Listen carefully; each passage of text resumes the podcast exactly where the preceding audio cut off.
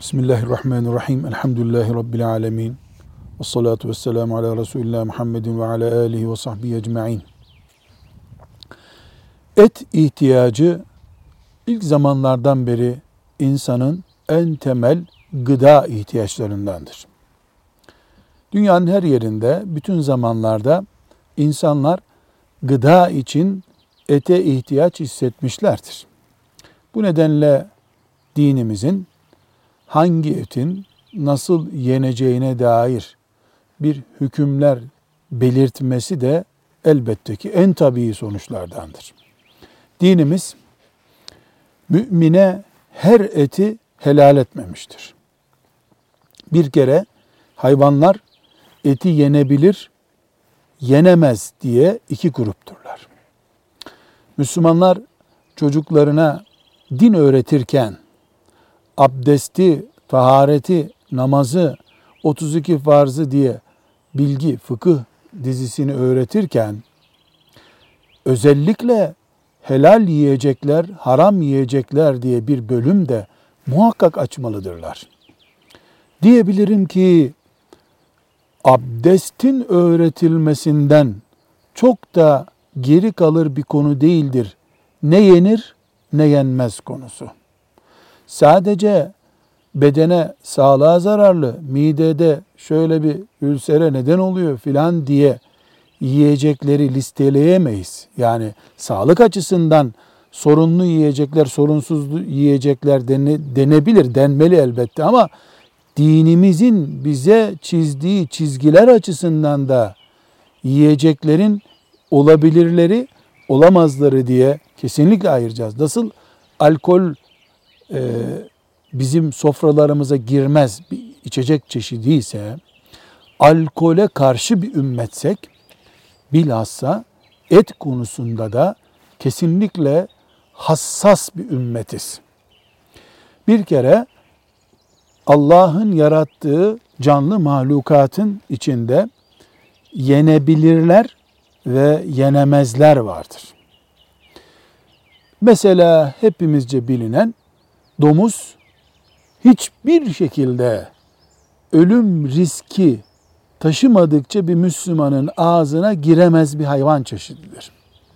Köpek ve benzeri necis hayvanlar, arslan, kaplan gibi hayvanlar, yani et parçalayıp yiyen hayvanlar e, yenmez hayvanlardır. Ama özellikle domuz ve köpek hem yenmezlikleri açısından hem de ciddi bir şekilde pislik olarak görülmeleri açısından Müslümanların topraklarında yaşayamaz, sofralarında bulunamaz hayvanlardırlar. Bir eti yenebilir hayvanlar, yenemez hayvanlar listemiz bulunmalı. İlmuhal kitaplarından e, bu okunmalı. Çocuklarımız camilere, hoca efendilerin derslerine gönderildiğinde onlara teyemmüm öğretildiği gibi hatta teyemmüme başlamadan önce hangi sofraya oturup hangi sofraya oturamayacakları da çocuklarımıza öğretilmelidir.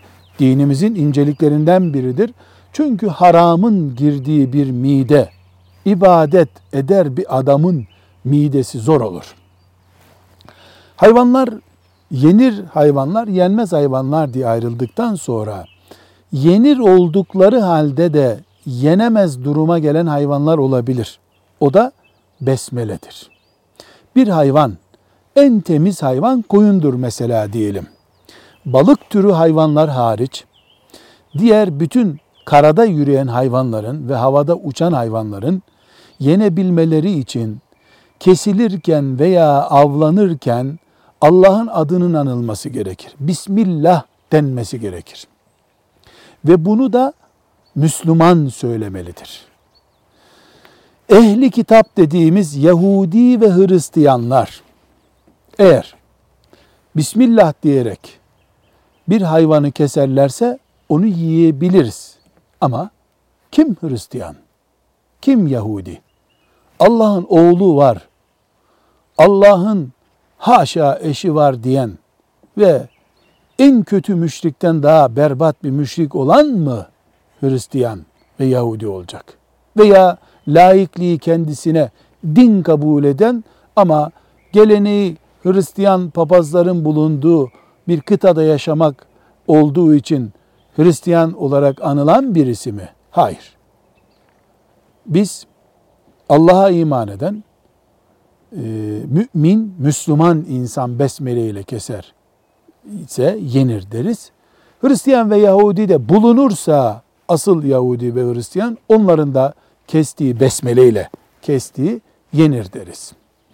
Besmele ile kesmek ciddi bir sorun ve aynı zamanda e, yürüyen hayvanların yani kara hayvanlarının ve besi hayvanlarının boğazlanmaları ve ana damarlarının kesilerek kanlarının vücudundan akması şarttır. Dolayısıyla sersemleştirilerek ve elektrik şoku verilerek e, yarı öldürüldükten sonra kesilen hayvanların etlerinde de yenirlik sıkıntısı vardır. Bu da gösteriyor ki bir, Müslümanlar yaşadıkları yerlerde başörtüsü için kavga ettikleri gibi, kızlarını dindar bir şekilde okutmak için kavga ettikleri gibi, mezbahanelerde de Allah'ın dininin istediği şekilde hayvan boğazlanması için mücadele etmelidirler. Mümin olmamız bunu gerektiriyor. Kasapları sıkıştırmalıyız. Kasaplar mezbahaneleri sıkıştırmalı. Mezbahaneler belediyeleri sıkıştırmalı.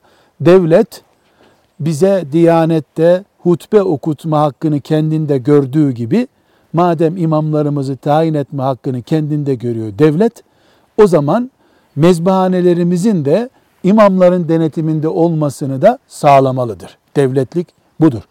Bu garantiyi bilmediğimiz yerlerde Müslüman olarak et yiyemeyiz. Bu ülkede herkes Müslüman, herkes ezan dinliyor sözünün ne kadar inandırıcı olduğunu e, artık tartışmaya gerek yok. Velhamdülillahi Rabbil Alemin.